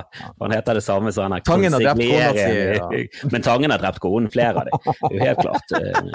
Han har gjort det i sånn her Han har gjort det sammen med andre. Men, men Jeg er enig med deg. Veldig. så kom metoo, og så syns jeg det er sånn Jeg syns jo i utgangspunktet at det er en veldig bra ting, for det, den tar liksom eh, Og den var, der var det ofte litt sånn anonyme historier, der folk bare fortalte sine historier fra sine opplevelser i sitt yrke. Og så Mm. var det eh, Noen gikk ut med navn, men veldig ofte var det anonyme. Jeg husker skuespillerne var liksom sånn Jeg husker jeg hadde en regissør, det var den første stykket eh, på Nationaltheatret han satte opp, og han skulle ha meg med eh, til, til å, å flekke bryst, og så var det egentlig ikke skrevet i rollen, og så viste det seg at han ofte puttet inn en naken dame i stykkene sine. Altså Han var en sånn creepy fyr. Mm. Masse sånn for, for horrible. Og det syns jeg er positivt, at du liksom får frem og det er ingen Ja. som blir dømt, men det er bare folk som kommer med sin historie, og det virker troverdig. Og så kommer det Så blander det seg sammen med en litt sånn heksejakt oppi det hele. Eh, for den eh, Cosby-greien begynner med at bare Hannibal Barrest står på scenen Ja. og bare sier 'fuck you, Cosby, du har faen meg voldtatt damer'. Ikke kom til Ja. meg og snakk om hvordan jeg bruker språket mitt. Når jeg har Ja. hørt historier om at når alle vil Altså, han, han bruker Elsker Hannibal. liksom. Fette bra at han bare Ja, ja. outa han. Han fikk nok. Sant? Og så hvis Cosby eller ingen andre hadde tatt tak i den saken, så hadde jo dødd hen, og så hadde han, alle, han hadde bare dødd lykkelig, og alle hadde trodd han var den nydelige bestefaren som vi alltid har trodd han har vært. Mm. Men så tar jo noen tak i dette her, og så håndterer Cosby-leiren det helt feil. Så du blir jo, får jo vann på mølen, og så kommer den ene etter den andre. Eh, og så går de til rettssak. Altså de, de, de anklagerne da, de, de går og leverer politianmeldelser. Og det er jo det som burde skjedd i den Brian McCallens, eller Brian Callens-saken, var jo at damer burde gått til politiet og Mm. anmeldt han Ja. for voldtekt og overgrep. Eh, og hvis de har en bevismengde som er stor nok, så blir han tiltalt. Og så Mm. kan han eventuelt bli dømt. Men i, i dette klimaet her så blir det en sånn sausing sammen, der det plutselig har bare blitt at nå kan folk bare gå ut til avisen hvis du har nok kilder på det, så er det plutselig en overgrepssak. Og der er jeg litt sånn uff. For samtidig så vet du at fuckings voldtekt er jo helt umulig å bli dømt for, nesten. Du må jo ha Ja, for jeg synes, jeg er helt enig. Det som er så vanskelig, det som jeg trodde, det, det som uh, metoo til slutt akkumulerte i, og som jeg forstår hvorfor, det er nesten litt det samme som uh, Black Lives Matter nå akkumulerer i. fordi at folk blir ikke hørt, de blir ikke tatt på alvor, og så blir det, så blir det stygt til slutt. Og sånn ble metoo også, for jentene blir ikke hørt. De blir, altså, det skal så psyko mye til. Det er så inn i helvete, liksom. Og mer enn ofte så blir saken henlagt, og så får du en følelse av å ikke bli hørt. Og klart det sinnet der ligger og ulmer, og ikke sant, damer prater i dag. Tenk deg, i Arbeiderpartiet så var det en kultur der eh, de advarte yngre jenter mot ikke henge med han. Tenk at du må, og det, og det viste seg at det burde vi gjort i komikerbransjen òg. Ja, men det, sånn har nå jeg vokst opp med uh, at det At det var sånn det var på fest. Det var ikke sånn at noen gikk bort til, eh, til Yngve og så sa jo til han at du, du har et alkoholproblem, og du blir hissig, og én av fire fester ender med slåsskamp. Mm. Så kan du faen meg ta og skjerpe det. Altså, vi vet at du har bla, bla, bla, men kan vi, kan vi prøve å finne en løsning på dette? Det var jo aldri noe sånn. Det var jo bare sånn ja, ikke snakk med han, han er ganske Ja. crazy. Og, Og- damer fikk sikkert beskjed om det samme, men sånn ja, ikke gå bort til Trond, han drikker tequila, du vet hvordan Trond blir. Og, og, men til slutt ikke sant, så er det så mye at da, da, da blir det en eksplosjon av det. Men, men jeg vet ikke om, har du fått med deg altså en fantastisk Jeg, Jeg, jeg snakka litt om det. Jeg syns metoo var egentlig best fordi at det lot folk få vite hva er seksuell trakassering. Det skinte et lys på det. Som du sa, folk delte historiene sine. For jeg tror ikke folk helt visste hva det var for noe. For enkelte menn ble sånn 'Jeg skal ikke få lov å hilse på damer!' Jo, men det er ikke seksuell trakassering. Det er bare at du vet ikke helt hva det her er for noe. Så det syns jeg var en nyttig greie. Og der har NRK gjort et nydelig stykke arbeid. De har tatt en De har tatt et overgrep, altså ei jente som anmeldte en gutt. Så de intervjua henne og spurte hvordan, hvordan kunne det her skje? Og så de intervjua han. Hvordan skjedde det her? Og så de fortalte hans side av saken, og hennes side av saken. Og han hadde ikke en oppfatning av at han hadde forgrepet seg på henne, hun hadde den oppfatninga. Og så har de sagt hva er det som gjør at vi er så langt fra hverandre? Hva er det som gjør at den ene ikke skjønner det den andre oppfatter? Og så har de intervjua de i lag. Det er en helt fantastisk NRK er flink der. Og det var så nydelig, for det er det sånn jeg hørte den historien, så tenkte jeg sånn Det her er det veldig mange flere som burde få lov å høre. Hva er grensene, ikke sant? Sånn så Dave Chappelle har den der biten i, der, han, der han synger grissangen, ikke sant? Du vet eh, Travolta og hun den der ja. 'Tell me boy, did he put up a fight?' ikke sant? Det er den beste rapige låten ever. Sant? 'Did she put up a fight?' Sånn var jo kulturen på 60-tallet. Du skulle jakte damene. Det var opp til mannen å kritisere. Og hvis hun sa nei, så var det et mm, 'det blir nok et ja etter hvert'. Og sånn, sånn var det jo. Og så er det noe man på en måte må finne ut av, og det er ikke bra. Og så må man da drepe den kulturen. Men så må også folk få lov å Altså, vi må, vi, må, vi, må, ta det som har skjedd, og så må vi se på hva skjedde. Se for å fordømme. Ja, han er en skjetten jævel, og hun er sånn og sånn. Fordøm det, ikke sant. Det er dialog igjen. Det er det det koker ned til hver gang. Ja, jeg, jeg syns jo at samfunnet Jeg, jeg syns vi er litt eh, ekstremt ute i, i, for tiden. Jeg lurer på om pendelen går tilbake, eller om vi bare skal fortsette. For er utviklingen mm. Synes jeg, bra. jeg syns det er bra at folk kan få lov til å være hvem de er, hvis de, hvis de, ja, hvis de er sånn Nei, jeg er en dame. Så er ikke mm. det opp til noen å, å, å, å, fordømme det på noen som helst måte. Og, og, hvordan de vil være dame, eh, det er helt opp til hver enkelt. Eh, men sånn som når Bjørn Henning forteller, han er jo sammen med svensk, har svensk kone, og, og forteller at han får kjeft av venninna henne fordi han kaller sønnen sin gutt. Og at han har ingenting med hvilket kjønn gutten Så er det sånn Ja, men nå, nå, nå syns jeg vi går litt langt. Vi kan ikke viske ut ord eh, fordi det kommer inn nye. La oss heller ta og, og, gå over den broen hvis min sønn plutselig eh, sier at han, han ikke er komfortabel lenger med at jeg kaller han en sønn. Og, og, og kanskje heller lage et, et, miljø der det er en mer naturlig ting å gjøre. Da, der det ikke er noe skam rundt det. Det, det, det, det er jo det målet må være. Men vi må ikke legge på skam fordi, fordi noen velger å kalle sønnen sin sønn. Og Det, det syns jeg er rart. da. Skal vi bare være grå masser frem til vi er konfirmert? Altså, er det, det sånn konfirmasjon skal være? At folk kommer ut av en kake og sier 'jeg er en'? Ho det, men det er veldig ofte folk som til og med ikke har barn, som forteller meg hvordan jeg skal oppdra barna mine. Altså Det er veldig mange som snakker om hva jenter skal få lov å gjøre, og de har ikke ei datter. For jeg kommer til å fortelle dattera mi en del ting som ikke er populært å si til døtrene sine. Men jeg vil ikke at det skal skje hun noe. Så jeg vil jo si du skal ikke gå hvor i faen du vil, du skal være forsiktig. Faen meg, ha nå skjørtet nedfor knærne og ikke drikk deg full. Altså, det blir jeg å si. Sånn er det bare. Eh, når, bare tanken på at du skal at du skal ta vekk den ramma som barn trenger for å oppleve trygt, bare sånn Ja, god dag, lille mennesket mitt. Du skal ikke si 'hei, gutten min', eller 'hvor det går, jente'. Jeg bruker å si til dattera mi 'hvor det går med prinsessa mi'. Altså, det, det skal ikke du si. Nei, ok. Det er feil, det er hatefullt. Hvem er du til å avgjøre? Jeg fuckings laga den her. Gå og plag din egen jævla unge. Jeg blir så ja, det er sikkert mange som syns det at du kaller en prinsesse er en helt motbydelig ting for prosess.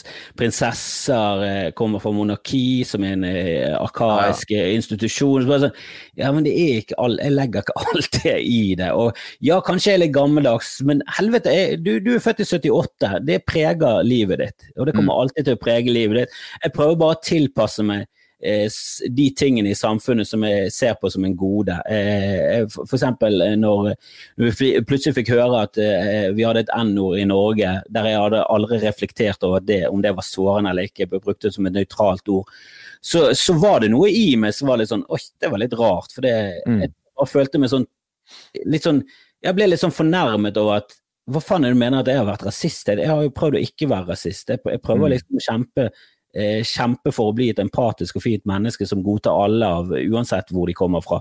Og da var det litt sånn sårende å høre at ja, men eh, slutt å bruke det ordet, da, din jævla rasist. Så sånn, ja, men det er ikke det. Mm. Hva skal jeg si istedenfor? Du skal si svart. På helvete, det høres rasistisk ut! Det føltes eh, rasistisk ut i mitt hjerte. Men så etter hvert så skjønte du at dine følelser er ikke de viktige her. Mm. Hvem som er mottaker av disse ordene. Det er jo det som er det er viktig i den situasjonen. Det er det med, samme med pronomene, som jeg syns ofte er litt sånn voldsomt. Eh, de, de som eh, vil bli kalt de, jeg har har til gode å treffe noen i Norge, da, men i USA så er det liksom Nei, jeg foretrekker they. Mm. I mitt hode så er det sånn Å ja, men jeg syns det er helt absurd at jeg skal begynne å kalle det fuckings flertall. Mm. Det, det blir helt feil for meg. Men ok, her er det kanskje ikke mine følelser, eller jeg vet at det ikke er mine følelser som er viktig, så la meg bare svelge under den greien der, og så kalle de they, da, for faen. Hvorfor er det så viktig for meg hva jeg skal kalle et annet menneske? Mm. Men jeg tror det er der folk eh, Jeg tror det er den følelsen du har der, at du på en måte har evnen til å tenke men det er ikke meg. De aller fleste tenker jo det er meg. Du er jo sånn sett unormal. De fleste tenker jeg er her, og alle rundt meg er statister i min verden. Jeg tror også det. Jeg tror også det. Jeg går ofte rundt og tenker alt dette her, det er bare meg, og alt er laget for meg. Det er en simulering der jeg er hovedperson. Det er en som spiller meg, og han er misfornøyd for tiden. Men, men ei stund, faktisk, så testa jeg ut dattera mi. Hun er KN, hun er sju. Og jeg, jeg kalte henne for kompis, for jeg så på det som et uh, nøytralt ord. Vi er kompiser. Og hun blir fornærma hvis jeg kaller henne kompis. Hun sier 'jeg er jente, pappa, jeg er ikke kompisen din'. Så hun er veldig klar, og hun vet det, sant. Og da syns jeg jo liksom at ok, men hva skal man da hva skal jeg da si? Nei, det er, her kan ikke Det er sosialkonstruert, og du kan være Sant. Det, Jeg, igjen, jeg vi, truffet, vi henger oss opp i eh, detaljer. Jeg, jeg truffet datteren din, eh, og hun virket jo eh, Hun er litt lik eh, min ene niese, som er veldig glad i å kle seg opp i kjole, elsker de der frostgreiene, ja. Mm. og har masse sånne kostymer. Uh, Og hun kan gjerne skifte klær fire ganger når vi er på Ja, ja. besøk, i løpet av to Ja. timer. Så hun liksom å ja, fuck, der kom du i en ny kjole, og nå var det plutselig et skjørt og en eh, topp, og så danser han rundt. Og sånn var jo din eh, datter òg, veldig glad i å vise seg frem og Mm. få oppmerksomhet, og var veldig sånn eh, Ja, veldig feminin, da. Jeg elsker sånne prinsessekjoler. Og jeg tviler på at det er fordi dere har presset på henne det. Eh, Det kan godt være at dere har et hjem der det har vært naturlig å, å kjøpe kjoler til, eh, til jenter og, og bukser til gutter, liksom. Mm. Men jeg føler, ikke, jeg føler ikke at dere var sånn Nei, nei, nei.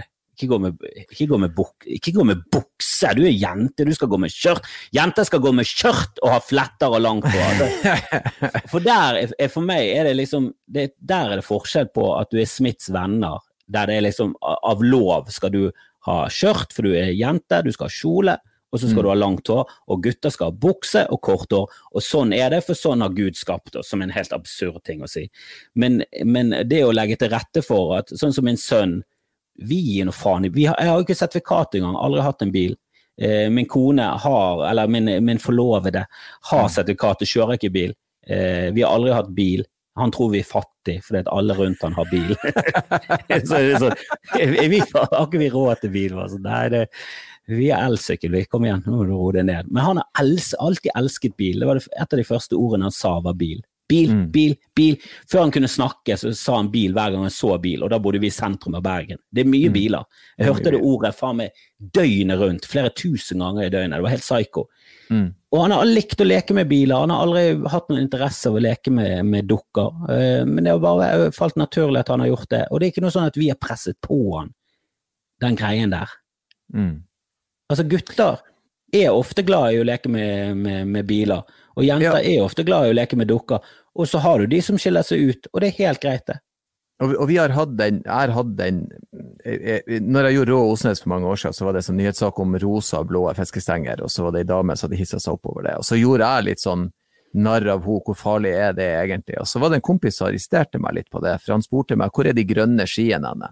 Så skjønte jeg ikke hva han mente. Så sier han nå hvis du drar i butikken nå til barn, så kan du kjøpe enten blå ski eller rosa ski til barn. Men hvor er de grønne? Hvor er de som du bare skal Jeg vil bare ha et par ski som ikke skal være det ene eller det andre. Og det finnes ikke. Så etter han sa det, så er jeg litt enig med han. Det er litt dumt at vi ikke har en helt sånn nøytral ting, for å ikke gi dem noe av det som er et sosialt konstrukt. Alle vet at f.eks. rosa var en veldig mandig farge på tidlig 1900-tallet. Alle forretningsmenn brukte lakserosa, for det var liksom that's it. Og, og, og jenter faktisk brukte blått fordi at det var mer sånn babyblått. Og så en eller annen plass så snudde moteindustrien det, så det, det, skjønner jeg. Så jeg har vært veldig bevisst det. Og dattera mi har fått alle samme tilbudene som sønnen min til å begynne på fotball, eller judo, eller jiu-jitsu. Alt som sønnen min har gjort, har hun vært med og sett på. Men hun valgte ballett. Hun valgte prinsessa. Eh, eh, sønnen min elsker jo ninja og ta livet av folk, ikke sant? sånn som gutter liker. Skyte headshots og sånn dritt. Dattera mi har null interesse. Så det er en viss ting som på en måte bare er iboende. Og sånn som du sier om sønnen din, Eldstegutten min han satt og lagde eh, motorlyd med stein da han var ni måneder. Han elsker biler. Det gjør han enda. Han har lyst til å bli mekaniker, for han har lyst til å bli noen programleder i et bilprogram. Det, Selvfølgelig. Ja, Ikke for å bli mekaniker, det er for ett steg videre. Han skal ha peiling, så han kan ta det seg videre. Uh, og enkelte ting er på en måte en etablert sannhet, fordi der er en slags bevis for det. Og, og jeg blir bare oppgitt når vi skal lete etter noe feil, i stedet for å reparere det som er feil. Ja, altså tror jeg selvfølgelig kulturen har nok påvirkning. Sant? Når de begynner å bli eldre, sånn, så blir de påvirket mm. av de andre barna. Så da blir jo de mer sånn eh, ja, rendyrket som sånn stereotype gutter, tror jeg de fleste blir. Og så har du de som skiller seg ut. Og det er jo trist at det fører til at du skiller deg mer ut. At det, at det ikke blir en normalisering av at alt er greit, at jenter kan holde på med, med, med gutteleker, gutter kan holde på med gutteleker. Ingen fordømming noe sted. Og det er litt sånn kjipt i leketøysbutikker at du går inn i jente, altså det er nesten sånn jenteavdeling og gutteavdeling, og jenteavdelingen er bare fuckings rosa prinsesser, ja, og gutteavdeling er teknikk og olje. Det er liksom det er jo for dumt, og det er mange leker som opprinnelig var for begge kjønn som bare mm. etter hvert så bare markedsførte de mot gutter. Og det har jo sikkert noe med tallene å gjøre. da. At det bare mm. sånn, ja, det viser seg at uh, det er faktisk 80% gutter som kjøper det kjemisettet. Så vi skal ikke bare gå bare full pupp og bare markedsføre det mot gutter, da, siden jenter tydeligvis ikke har noen interesse. Istedenfor bare markedsføre alt som tve, altså som, som ikke, ikke blande kjønn inn i leker. Det, at, at, alle barn kan få lov til å leke med hva faen de vil. Mm. Det er litt fett, for eh, kona mi hun har to søstre, de er tre jenter. da. Og han svigerfar er en veldig sånn mannlig mann, eh, men har jobba som frisør i alle år, så der har du Hadde egen frisørsalong, men han er en veldig sånn mannlig mann. sånn Stor, kraftig, han bryter på ting og lager ting og bygger ting. Han så, eh, klipper med sånn ljå. Ja, og, men i alle fall, kona mi hun er jo ei sånn um, dame som hun, hun, spiller Fifa, hun liker TV-spill. Hun elsker skateboard og sparkesykler og fjernstyrtbiler. For faren kom jo hjem hver dag og prøvde liksom å putte her inn, for han ville leke med det sammen med jentene sine. Så det viser jo at der er jo For hun, jeg har aldri møtt damer før som har den interessen som hun har. Hun blir helt vill hvis vi kjøper sånn droner og sånne ting og vil prøve, og like mye lamme oss. Og det syns jeg er litt kult, da. Så det viser at klart ungene påvirkes av det du utsatte dem for. Og så er det nok en Altså, men det, igjen koker det ned til noe vi allerede vet fra før. Hva er medfødt og hva er arv og miljø? ikke sant? Dette har jo folk snakka om før. Det som er problemet er når noen klikker for at du sier sønnen til gutten din. Da har vi gått for langt igjen. Da har vi blitt eh, ekstremister. Ja, men da er det sånn, da har jo du ingen toleranse for den eh, for, Altså, du mener at alle skal ha toleranse for ditt syn, og så har du ingen toleranse for andres ja. syn. Mm. Og, og det, det, det, det, er ikke sånn at jeg mener at du skal ha toleranse for Sian sitt syn. Jeg bare mener at du skal ha toleranse for at folk skal være så, få lov til å være så fucket i vårt samfunn. At de mm. faktisk skal få lov til å mene de tingene.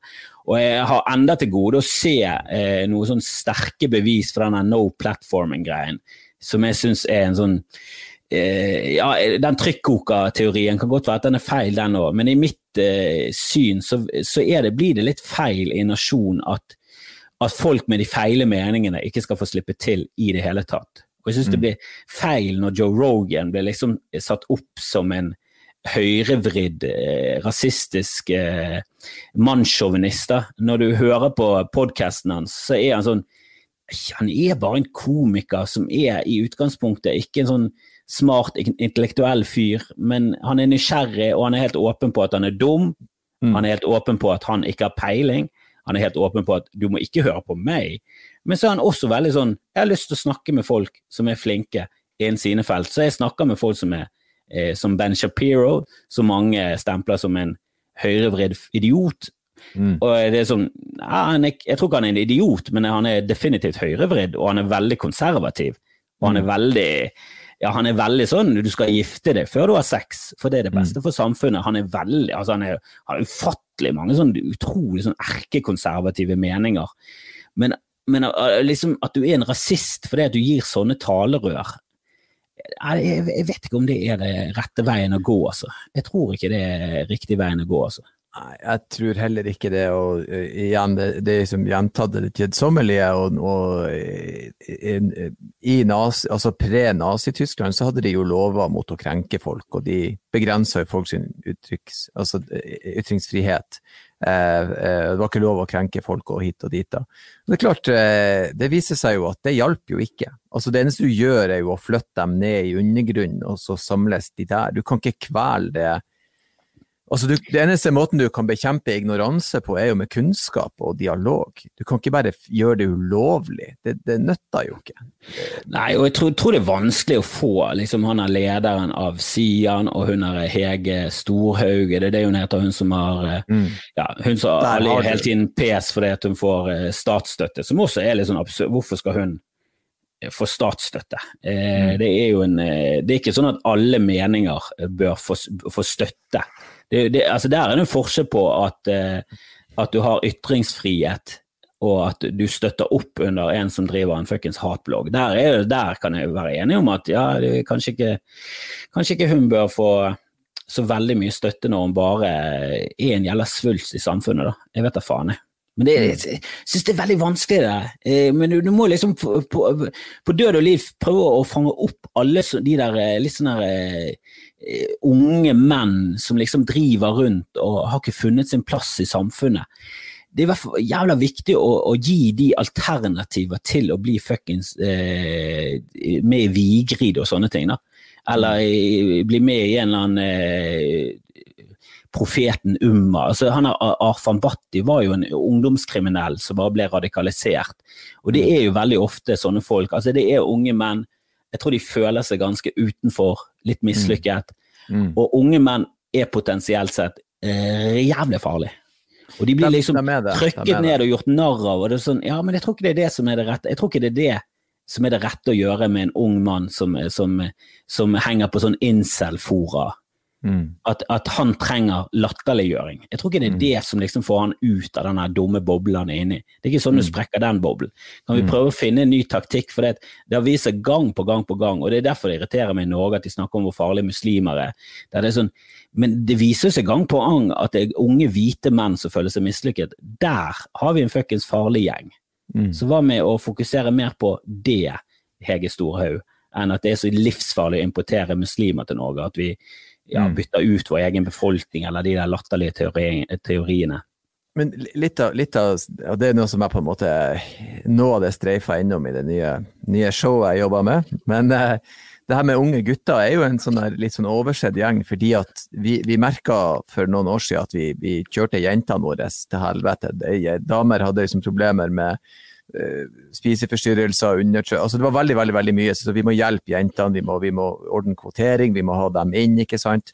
Så i prosessen av at vi ønsker å nå, oppnå likestilling, så blir guttene glemt av. Og litt sånn her oversett, og får liksom ikke den oppmerksomheten. Får ikke de samme mulighetene.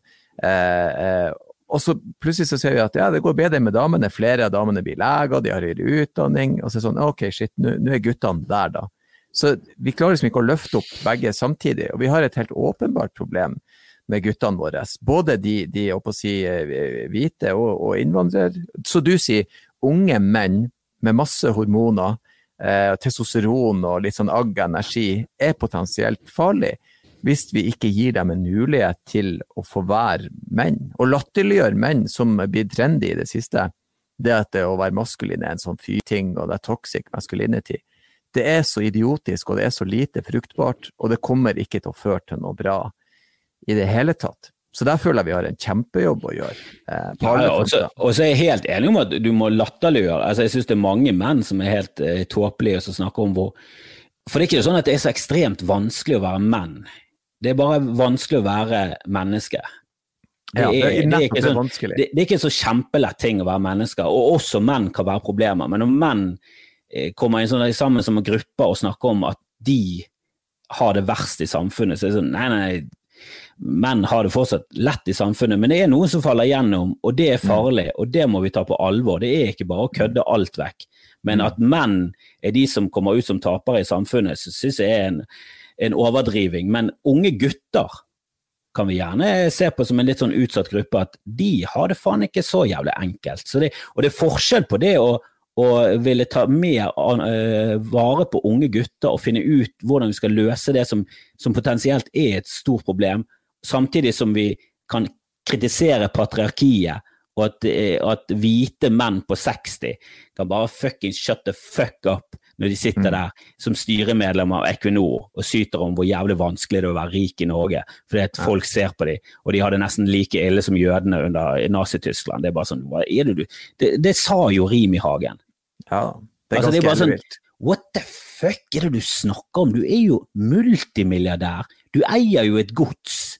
Du kan gå mm. på jakt i din egen hage. Det, du, du, det, er jo helt absurd å høre det syte i det hele tatt. Men vet du hva, Erlend, vi må spille inn en ny podkast ha en ja. på dette her. For det, nå har vi gått langt over tiden er det vi holder på med. Det, det, det, er for gøy å snakke med deg. Alltid så gøy å prate med deg også, så, men det var hyggelig. Det var det. Det var hyggelig så lenge det varte, men nå skal vi faktisk mm. spille inn en ny, ny podkast. Vi skal det. Fordi vi liker å jabbe.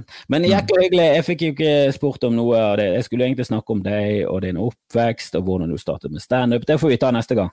Jeg vi gjør det. skal prøve å fokusere litt mer inn på deg. Eh, og så skal jeg være forberedt på til det vi skal snakke om. Så skal jeg slutte å dra deg ut på sånne lange resonnementer. Nei, nei, nei. Vi, vi, må dra oss litt ut, og så er det min oppgave å få oss tilbake igjen til det viktige her. Eh, det Men det var jækla hyggelig. Så snakkes vi. Takk, Marius. Ha det.